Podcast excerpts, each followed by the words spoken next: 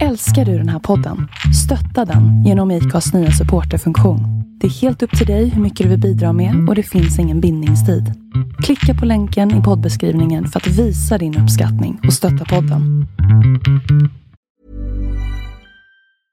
Ready to pop the question?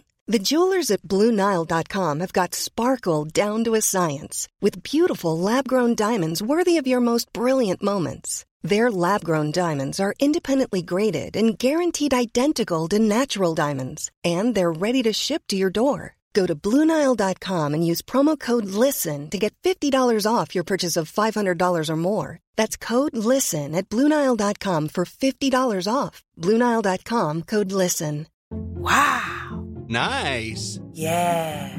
What you're hearing are the sounds of people everywhere putting on Bombas socks, underwear, and t-shirts made from absurdly soft materials that feel like plush clouds. Yeah, that plush. And the best part? For every item you purchase, Bombas donates another to someone facing homelessness. Bombas. Big comfort for everyone. Go to bombas.com slash ACAST and use code ACAST for 20% off your first purchase. That's bombas.com slash ACAST. Code ACAST. Hey, I'm Ryan Reynolds. At Mint Mobile, we like to do the opposite of what Big Wireless does. They charge you a lot, we charge you a little. So naturally, when they announced they'd be raising their prices due to inflation, we decided to deflate our prices due to not hating you. That's right. We're cutting the price of Mint Unlimited from $30 a month to just $15 a month. Give it a try at mintmobile.com slash switch. $45 upfront for three months plus taxes and fees. Promo for new customers for limited time. Unlimited more than 40 gigabytes per month. Slows. Full terms at mintmobile.com. Veckans avsnitt av Två låtar och en kändis presenteras i samarbete med Brännövarv, bar, restaurang och bed and breakfast. Missa inte denna västkustens pärla på Brännö och mer information det hittar ni på brännövarv.se. Och nu, nu kör vi! Hej och välkomna till veckans program av två låtar och en kändis. Jag som sitter bakom micken heter som vanligt Anders Näslund och denna veckan så har jag den stora, stora äran att få presentera en av Sveriges bästa kockar. Hon är född i Stockholm men uppväxt i, nu ska vi se så jag uttalar detta rätt här, Rapallo. Det stämmer bra det. Härligt. Nu fick vi höra en liten del av hennes röst där. Det var inte meningen men... Eh, för er som inte... lite. Ja, lite i norra Italien och eh, hon återvände till Sverige i mitten på 70-talet och blev senare känd för det svenska folket när hon 1998 vann Robinson och dessutom som första kvinna. Därefter har hon skrivit hela sju stycken kokböcker och flera säkert att vänta från denna driftiga kvinna. Hon har drivit två stycken restauranger, varit programledare för Köket i TV4, reporter i Spårlöst försvunnen och är idag en flitigt återkommande tv-kock, matskribent och även föreläsare. Mina damer och herrar, låt mig få presentera Alexandra Sassi. Och jag är nästan, nästan rodnar vid den här fina presentationen faktiskt. Jag blir lite så här rörd faktiskt. Mm, den är du väl värd, måste jag säga. Idag Alexandra så har vi inte sex timmar på oss. ja, det är, ju, det är ju en gammal historia mellan oss eh, att vi fastnade i en tävling och eh, jag skulle prata med någon så länge som möjligt. Och du råkade vara den som ringde upp. Eller jag ringde upp dig, eller hur var det? Du, eh, jag minns inte riktigt. Blev din fru svartsjuk? Nej, det var ingen fara alls. Jag var mer bekymrad över att på sex timmar så behöver man ju även gå på toa. Jaha. Det hörde inte jag att du gjorde. Vad bra. Du Alexandra, vad gör du idag? Jag eh, jobbar med mat, vilket jag har gjort de senaste 20-25 åren faktiskt. Eh, och eh, man kan väl säga att jag jobbar med mat på så många olika sätt så ibland så har jag svårt att förklara vad jag verkligen håller på med. Men eh, jag har några fasta uppdrag varje vecka. Så att jag jobbar för P4 Extra varje lördag där vi pratar om eh, mat och lite så här trender och eh, vad som gäller just nu och vad man kan hitta på till lördagsmiddagen. Eller ja, lite saker som dyker upp. Och sen så har jag Göteborgs-Posten varje torsdag, vilket jag skrivit för i 11 år nu. Ja, eh, och svarar på läsarnas frågor. Så det är mina fasta uppdrag. Mm. Och sen så jobbar jag med mat som ett paraply brukar jag säga. Mm. Allting från att jag kan stå och koka soppa för Stadsmissionen till att jag eh, jobbar med ett företag som är ett stort event eller eh, reser med ett företag till eh, Italien och är ciceron eller eh, jobbar på någon restaurang ute i världen som eh, behöver ja, lite gästkock eller inspiration. Mm. Och eftersom denna eh, podden handlar till stor del om musik egentligen så blir min nästkommande fråga till dig. När du väl står där i köket och du ska få till alla dina fantastiska maträtter. Vad är det för låt du helst väljer då? Alltså när det gäller musik, jag älskar musik. Eh, och jag, verkligen, jag lyssnar från allting från klassiskt till clash skulle jag vilja säga. Mm. Eh, så att för mig handlar musik om att det är någonting som ska få mig gå igång eller softa ner om jag behöver det också. Så det är samma när det gäller när jag står i köket så ska det vara musik som får mig att känna mig i nuet där och då. Ja. Du är ju till hälften italienska. Mm. Och eh, italienska brukar jag, eller italienare i synnerhet, mm. eh, brukar man ju vara förknippade lite med temperament och sådär. Så då kommer vi in på det här med humör och, och musiken är, kan väl vara en del av humöret, eller?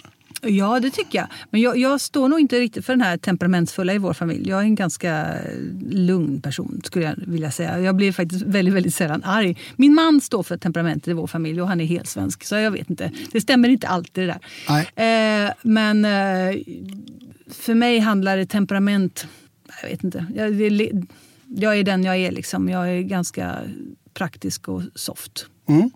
Du är dessutom en väldigt varmhjärtad person eh, med tanke på vad du gör för en hel del hjälporganisationer. Alltså jag, jag tycker jag har, jag har haft väldigt mycket tur i livet. Eh, tycker jag. Och jag tycker att det handlar om att, att skicka vidare och ge tillbaka. Eh, jag, jag, jag, gillar alltid den här känslan att när man gör någonting lite utanför sig själv så gör man det för någon annan ska bli inspirerad och kanske fortsätta den här tanken.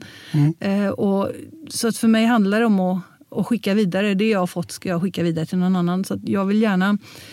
Kan jag så hjälper jag olika hjälporganisationer med eh, ja, allt, allt från att man faktiskt finns där och har ett lyssnande samtal till att man då praktiskt gör någonting. Att mm. man kokar soppa till väldigt många människor som behöver det eller att man samlar in pengar så att det faktiskt finns möjlighet att skapa nya forskningsresultat för vissa sjukdomar. En oerhört vacker egenskap hos dig tycker jag. Tack så mycket. Jag tycker, vi lever ju i Sverige. Eh, de flesta av oss har otroligt bra.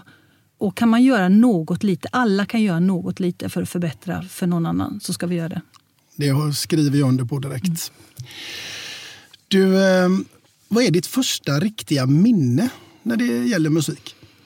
Um, ja, det var en väldigt bra fråga. Uh, för jag tror att musiken klev aktivt in i mitt liv faktiskt först när vi flyttade till Sverige när jag var 11 år. För att när vi bodde i Italien då fanns musiken överallt. Men i Italien har man väldigt mycket smörmusik och, och, och det, är så här, det, är väldigt smörigt och ja. det är väldigt skön italiensk musik. Men det var liksom ingenting man pratade om på samma sätt. Men eh, 1977 så flyttade hela familjen tillbaka till Sverige. För att vi pratade ju svenska i Italien. Mm. Eh, och då minns jag att musik var otroligt viktigt för mina klasskamrater. Man skulle lyssna på Kiss, man skulle lyssna på Sweet. Man skulle liksom, för att vara en i gänget så skulle man koll på vilken musik som var rätt att lyssna på. Och jag kommer från liksom Italien och har noll koll på vad man skulle lyssna på. Så att mina första minnen var just det här, liksom, vilken musik skulle prägla mig. Och då var det så att mamma och pappa hade såna gamla Beatles-skivor. Och då gick jag all in på Beatles. Så jag är så här, mina första minnen är faktiskt Beatles. Jag är en, fortfarande väldigt inbiten Beatles-fan. Min, och blir jag låg så lyssnar jag på Wild Mad Guitar Gently Weeps. Så, då är det den som går igång. Okej. Okay. Du Alexandra, vi börjar närma oss ditt eh, första låtval eh, som jag är väldigt eh, nyfiken på. Och det är ju en låt som heter vad då? Den heter så mycket Gente di Mare av eh, Umberto Tozzi. Eh, och den just, just väldigt grann symboliserar tror jag, mitt, eh, mitt italienska ursprung. Så står den för väldigt mycket av det jag är eh, i, i det italienska. Den har just den här sköna, härliga italienska smörigheten, den är sommar. Och själva betydelsen av gente di mare betyder folk från havet. Mm. Eh, och det är egentligen, hade inte jag varit en människa så tror jag att jag hade varit en säl. Så att, för jag älskar vatten. Eh, och mina första eh, drömmar i livet det var att jag skulle liksom resa till franska Polynesien i en egen båt och eh, leka Jack och stå. Så att för mig är liksom dykning och närheten till havet eh, ett måste för att jag ska känna mig liksom hel. Mm. Därav den låten. Då tar vi och lyssnar på den låten tycker jag.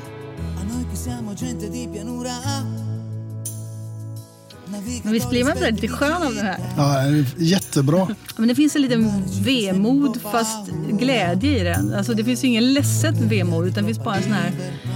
Man myser lite. Ja. Och så säger just att, att det handlar mycket om, om att resa det här. Alltså det handlar liksom om att man är... Man befinner sig i en resa. Man, man, man, man vet inte var de här havsfolket tar sig någonstans. Alltså man tar sig till en annan värld. Mm.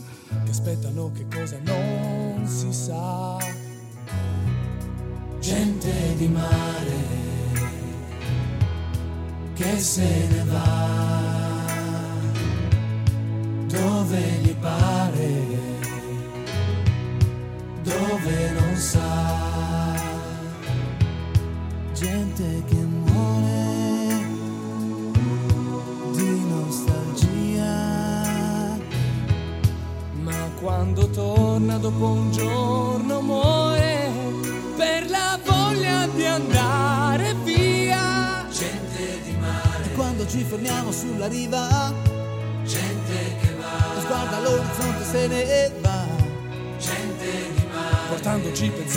there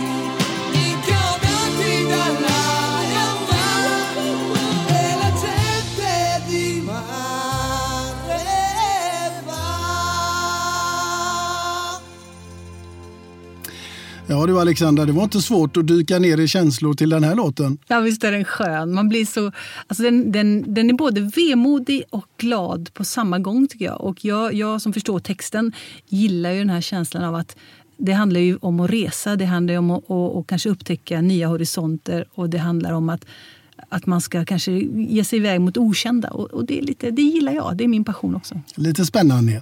Ja. Ja. Du, dykning eh, vet jag ligger dig lite varmt om eh, hjärtat också. Mm, alltså jag, jag tog min första dykarcert när jag var 20. Eh, och genom åren så utbildade jag mig till dykinstruktör och jobbade mycket med det. Och de första fem, sex åren där, de, då gjorde jag bara att jag reste. Jag åkte hem, jobbade upp så mycket pengar jag kunde och sen så har jag rest och dykt så mycket jag bara kunnat i världen. Och jag tror att det, världen under havsytan är ju otroligt häftig. Och den här känslan man får när man nästan flyger, eh, för det är den känslan man får under vattnet, den är obetalbar. Och sen att se alla växter och djur, eh, det är jätte... Alltså, vi är så förunnade med den vackra världen vi har. Och jag tror att därför också jag gärna vill jobba med en hel del hjälporganisationer när det gäller miljö. Mm. Eh, för att vi, vi, vi får inte förstöra vår vackra värld. Absolut inte. Du, eh, när vi pratar om det här så får det mig osökt att leda in lite på Robinson. vi hamnar från vatten till en öde ö. Ja. ja jo, eh, och det är väl inte helt fel. Jag tror att det, det roliga med Robinson, då, hur det gick till det här. Eh, det var ju andra året som jag sökte till Robinson. Första året så var mina barn ett och tre och vi hade precis startat vår restaurang på Vallgatan här i Göteborg. Eh, och eh, då sökte jag inte ens, men jag tittade ju på det och tänkte att ah, det här är så min grej. Liksom, jag vill ju så gärna åka bort till en öde ö och, leva så nära havet eh, som man kan göra där. Så när de sökte för andra året igen så tänkte jag ja, men det är klart jag ska skicka in en ansökan. Så jag tog den snyggaste bilden jag hittade på mig själv. Ja. det måste man. Så skrev jag Alexandra, då var jag 32. 32 år, dykinstruktör, småbarnsmamma, egenföretagare. Och så la jag på första sidan och så skrev jag väl Hey Dave. Yeah, Randy. Since we founded Bombus, we've always said our socks, underwear and t-shirts are super soft. Any new ideas? Maybe sublimely soft. Or disgustingly cozy. Wait, what? I got it. Bombas. Absurdly comfortable essentials for yourself and for those facing homelessness. Because one purchased equals one donated. Wow, did we just write an ad? Yes. Bombas. Big comfort for everyone. Go to bombas.com slash ACAST and use code ACAST for 20% off your first purchase. Lite, lite, lite små paragrafer under. Och så skickade jag in den eh, och sa ingenting till min stackars man. som, som inte fick reda på detta då. Eh, för jag tänkte, du vet, man tycker väl att det är så lite pinsamt att söka på en sån grej och inte kommer jag med. Mm. Men eh, bland 17 000 då, som hade sökt så fick jag faktiskt en plats att följa med till Expedition Robinson. Och det var en otroligt häftig upplevelse. För då var det på riktigt. Det var när dokusåporna lite var på riktigt. Mm. Eh, vi bodde verkligen på en öde ö. Det var bara vi där. Det var liksom ingen kamerateam. De kom på morgonen, spelade in, de åkte på kvällen och vi var ensamma över natten. Oj då. Eh, och man kunde vakna på morgonen av en jättesköldpadda. Liksom, kröp upp på stranden och, och, skulle lägga ägg, eller hade lagt ägg under natten. Mm. Eh, och man kunde gå ner liksom, i ett hav som var helt stilla och helt... Det var så vackert var det. Mm. Eh, och det är så mycket i Robinson som, eh, som tittarna inte fick se. Just det här, vårt samspel och hur vi någonstans... Man, man ser då 50 minuter på tv men i verkligheten var vi ju där faktiskt 24-7. Mm. Jag var ju liksom nästan ja, jag var ju 47 dagar på en öde ö. Det är väldigt lång tid kan jag säga. Man tänker mycket på den tiden. Det krävs nog lite för att vara en person som mäktar med det. Ja, alltså, det häftiga med oss människor tycker jag, och det, det, kan man se i alla situationer, det är att vi är så otroligt anpassningsbara till den verkligheten vi har omkring oss. Så efter ett par veckor så hade vi skapat vår värld i mm. det här. Vi hade skapat våra rutiner. Mm. Och det går man ganska lugnt in. För mig, jag hade inga större problem med det. Alltså för mig var det en självklarhet att hitta min roll i lägret och hitta min plats och vara där. Och jag tyckte det var väldigt roligt. Det tuffa var ju att vara ifrån barnen som då var två och fyra år gamla. Mm. Och inget, inte ett ljud, inte ett pip på 47 dagar. Vi hade ju ingen kommunikation med yttervärlden överhuvudtaget. Nej. Och du vann ju dessutom hela tävlingen så du tillhörde ju definitivt de som var kvar längst. Ja, ord. precis det var det. Och jag kommer ihåg när jag kom tillbaka till då huvudön där de hade sin bas, då, hela inspelningsteamet. Då, då fick jag ringa då hem och det var, här var ju då, var 98 så det var före liksom mobiltelefon alltid. Då, då var det satellittelefon vi pratade nästan. Mm. Eh, och då ringde jag hem och så var jag så trött för då, vid det laget var jag rätt psykiskt trött. Så, så ringde jag till min man och sa nu, jag vann skiten, nu vill jag hem. men, men det var en stor upplevelse och det var någonting som jag definitivt inte ville ha ogjort. Nej, det förstår jag. Det låter otroligt spännande och vilken grej att ha med sig i livet. Ja, mycket minnen. Liksom. Allt från man vaknar på natten att det helt plötsligt börjar regna och man ska försöka hitta någonstans så man inte fryser. För det gör man ju även fast det är liksom 25-30 grader varmt så blir det kallt när det regnar på en. Eller att varenda sår vi fick kunde bli inflammerad och vi var tvungna att ta hand om varandra. Eh, och eh, sen hela, hela alltet med att man har en kamera i ansiktet eh, och ska liksom göra sitt bästa och se trevlig ut. Men... Mm. Och det är här någonstans vi kommer in i, i ditt andra låtval. Gör vi det? Tror jag, eller? Ja, no, ska vi det? Nej, inte riktigt än. Va? Vi nej. behöver inte riktigt ge oss iväg in där. Nej. Nej, nej vill du det? nej, alltså jag tänker mer att eh, jag trodde mig nästan ha listat ut här att den var förknippad till... Eh, till Robinson? Ja. Eh, nej, nej, mitt andra lovval är mer... Eh, jag jag gillar verkligen all sorts musik och precis som du sa så finns vissa musik sätter igång en. Mm. Och om jag någon gång ibland känner att jag måste komma igång mm. så tar jag det, den låten. Och alltså jag går alltid igång i 180 på den och det funkar liksom alltid för mig. Men det låtvalet kommer egentligen från eh, ehm, när jag cyklade i Paris första gången. 2013. Cykla till Paris? Så att eh, jag, eh, jag fick chansen. Jag är ju sån här som aldrig kan säga nej till saker och ting. Om någon säger till mig, ja men ska du följa med och vandra över Antarktis? Ja, säger jag, ja, hur svårt kan det vara? säger jag. Så, ett steg framför det andra så har man gjort det. Eh, och, och, det var väl lite samma sak med Paris-grejen här. Att, eh, eh Alexandra, skulle du kunna tänka dig att cykla 120 mil till Paris under en vecka? Och jag bara, hur svårt kan det vara? Därav den låten. Därav den låten. Ja. Vi, vi, vi lyssnar på vad som får Alexandra att cykla till Paris. Så det går inte att säga nej här. Nej, nej. Eh, jag får nog lyssna lite till om jag ska, få, om jag ska cykla till Paris.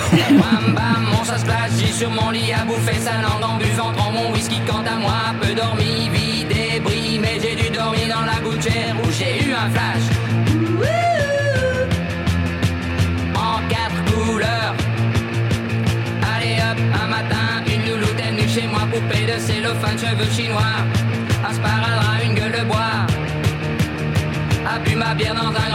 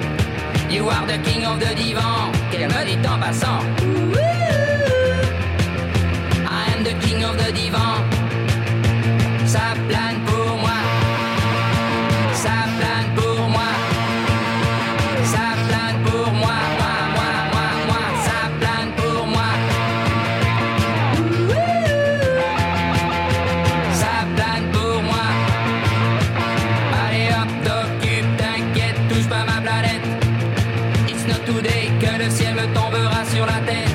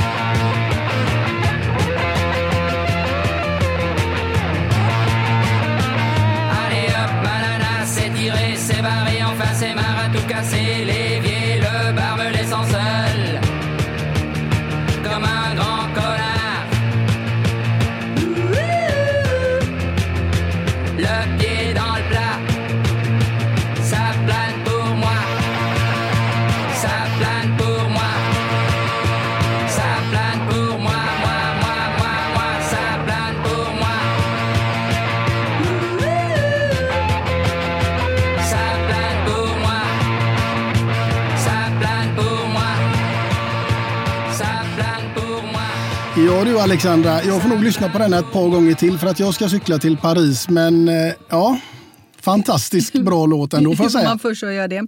Eh, ja, visst är den skön. Och eh, som sagt, när man lyssnar på den så känns det som såna här saker som är lite oöverkomliga. Känns det plötsligt, ja men det är klart jag har energi att göra det. Och livet handlar ju så mycket om att hitta den här energidepåerna som man ibland glömmer bort att man har. Mm.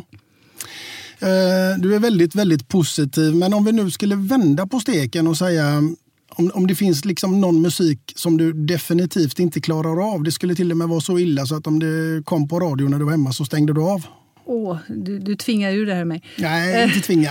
Eh, det är frivilligt. Det är frivilligt. Okej, men jag, det är den här Jag och min far, eh, Magnus Uggla-tolkningen som han gör eh, mm. i den.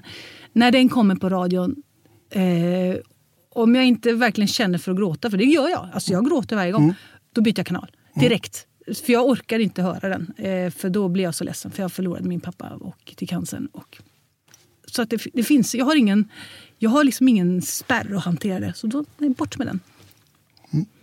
Det är någonting som jag är, är, rädd för i livet så är det liksom att det ska hända någonting eh, mina närmaste, nära och kära. Liksom. Och, och, mm. eh, och jag är livrädd för allting av de här farliga sjukdomarna. Vi pratar cancer och så vidare. Eh, så att när inte, inte om, utan när det händer saker i ens liv som verkligen som det inte går att göra någonting åt. Alltså, jag är en problemlösare. Så mm. att för mig handlar det om att har jag ett problem framför mig, då handlar det bara om att lösa problemet. Och det värsta som kan drabba mig det är att när jag får någonting som händer och jag har inte lösningen. Det finns ingenting jag kan göra åt det. Alltså, eh, och så är det ibland när man har ja, nu blir jag blir känsam bara för det.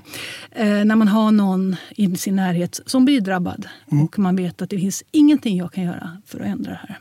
Eh, så att då, då, då har jag det tufft faktiskt. Mm. För jag, jag vill gärna se en lösning på problemet. Och när det inte finns något jag kan göra, då känner jag mig lite så här desperat. Eh, så det finns vissa låtar som är förknippade med eh, nära och kära som jag har förlorat. Och när jag hör dem då blir jag så ledsen. Och jag kan inte befinna mig liksom bland, bland människor nästan då. För då, alltså tårarna sprutar på mig och, så att jag inte kan hantera det. Eh, med det sagt så tycker jag ändå man kan gråta ibland. Alltså vi, vi är ju människor och eh, livet är ju inte svart eller vitt. Eh, livet är ju liksom det här att, att vi går i ständiga pendlingar och befinner oss i en gråzon ganska ofta. Men sen så mm så, så händer det något som är tufft. Eh, mm. Eller så händer det något som är jäkligt bra. Mm. Och, och, då får man liksom lite grann flyta med i det här eh, och acceptera det. Och, mm. det, och där, där, försöker jag liksom anpassa mig till att, att livet ramlar på. Mm. Ja, nej, men maktlöshet är ju naturligtvis någonting som är fruktansvärt eh, jobbigt att känna. Det håller jag till fullo med dig om. Och, och, vad vi inte får glömma är att vi ska vara lite snälla mot oss själva och våra medmänniskor. Vi, alltså, vad, vad som är viktigt i livet är att vi är generösa. Alltså, vi är generösa med våra egna känslor men även generösa med när andra har gjort fel eller acceptans i situationer. För att vi kan aldrig sätta på oss en annan människas ryggsäck. Eh, om de är flyktiga från Syrien eller om de eh, har råkat ut för saker i livet. Alltså, vi kan inte förstå vilken typ av människa de är. Alltså hur de, vad de har varit med om i livet. Så det enda vi kan göra det är liksom egentligen att vi är vi är där för dem och vi lyssnar på dem och vi har en acceptans och en förståelse. Mm. Och en respekt och medmänsklighet. Och det är nog en av de viktigaste ledorden för mig. Mm. Eh, och med det sagt så brukar jag säga att det mesta i livet kan lösas över ett köksbord. Ja, det... För att, eh, jo men det är lite så. Och jag tror att det är så lite grann mitt hem snurrar runt mitt kök. Att om jag, jag kan lägga väldigt mycket lust i god mat och samla mina nära vänner och familj runt köksbordet. För att där kan man skapa liksom en liten oas av närhet mm. och där man kan vara sig själv hela vägen. Och jag tror att det är därför passionen för mat är en viktig del i mitt liv. För att då får man den här stimulansen och den här lusten liksom till att sitta och prata med varandra. Mm. Men man får det med någonting som är väldigt trevligt. Det tror jag nästan att vi svenskar idag, och i dagens samhälle framför allt, alltså det, det, är inte så ofta familjerna idag sitter samlade vid matbordet. Det är så mycket annat som ska roddas med i samhället. Med det träningar och skolor och jobb och allt vad det är för något. Och det är någonting jag slåss för, att vi ska behålla middagen. Mm. Eh, och allting, alltså jag, jag har ju klivit in just nu i en andra fas i mitt liv. Mi- Mina barn är ju numera då 21 och 23 vilket innebär att de är väldigt sällan hemma. Eh, de pluggar och de reser och så här, så man får vara glad att de överhuvudtaget är hemma. Vilket innebär att jag och min man hamnar ensamma vid, vid då middagsbordet. Och vad många gör idag, och det ser jag, det är att de sitter vid sina telefoner eller sitter vid datorn eller tar sin tallrik och går upp och sätter sig vid tvn. Och så säger jag, sluta med det. Det, är, det finns ingenting sämre för sexlivet. På riktigt. Om, om ni slutar kommunicera så kommer ni sluta att ha liksom någon, någon umgänge med era respektive. Lägg ner det. Ja. Och om ni inte har barn som har flyttat hemifrån och har barnen hemma, men utnyttja den tiden och sitt och snacka med varandra. Och har ni ingen man och har ni inga barn, men bjud över grannen då. Eller bjud över gamla tanten som sitter ensam. Liksom. Bort med ensamheten, in med dem till en måltid säger jag. Nu hör ni det kära lyssnare. Lyssna nu på vad Alexandra säger här och ta till er detta. Bort med telefonen och bjud in med grannen. Ja, precis. Jag säger det. Ja, men jag tycker det. Med, med det här, bara, ja, släng in ett par strån extra pasta i grytan och sen så har vi löst middagen. Det behöver inte vara komplicerat. Bara för att jag brinner för god mat så behöver det inte vara komplicerat. Nej. Ja du Alexandra, innan vi säger tack och hej för idag så vill jag faktiskt bidra med någonting till ditt kök. Åh, vad roligt. Ja, jag har inte tänkt att komma hem och laga mat hos dig. inte det var det det hoppades jag. vad, vad är din favoriträtt förresten? Eh, Vad gör du bäst skulle jag vilja säga. då får det nog bli pasta carbonara. Är du bra på den? Ja, bra skulle jag inte säga, men eh, så pass nöjd att jag lagar det gärna till mig själv. Ja. Men jag vill eh, naturligtvis lämna över våran specialdesignade kaffemugg till dig här av två låtar och en kändis. Såklart, som ett kärt minne från denna dagen. Och tack så mycket. Och det står mitt namn på den också. Självklart. Spännande. Tack. Varsågod. Och därmed, kära lyssnare, så börjar vi närma oss dagens slut av podden Två låtar och en kändis. Och jag hoppas naturligtvis att ni finns med oss i nästa vecka. Tills dess, ha det gott. Hej då. Hej då. Even when we're on a budget, we still deserve nice things. Quince is a place to scoop up stunning high-end goods for 50 to 80% less than similar brands. They have buttery soft cashmere sweaters starting at $50, luxurious Italian leather bags, and so much more. Plus, Quince only works with factories that use safe, ethical, and responsible manufacturing. Get the high-end goods you'll love without the high price tag with Quince. Go to quince.com slash style for free shipping and 365-day returns.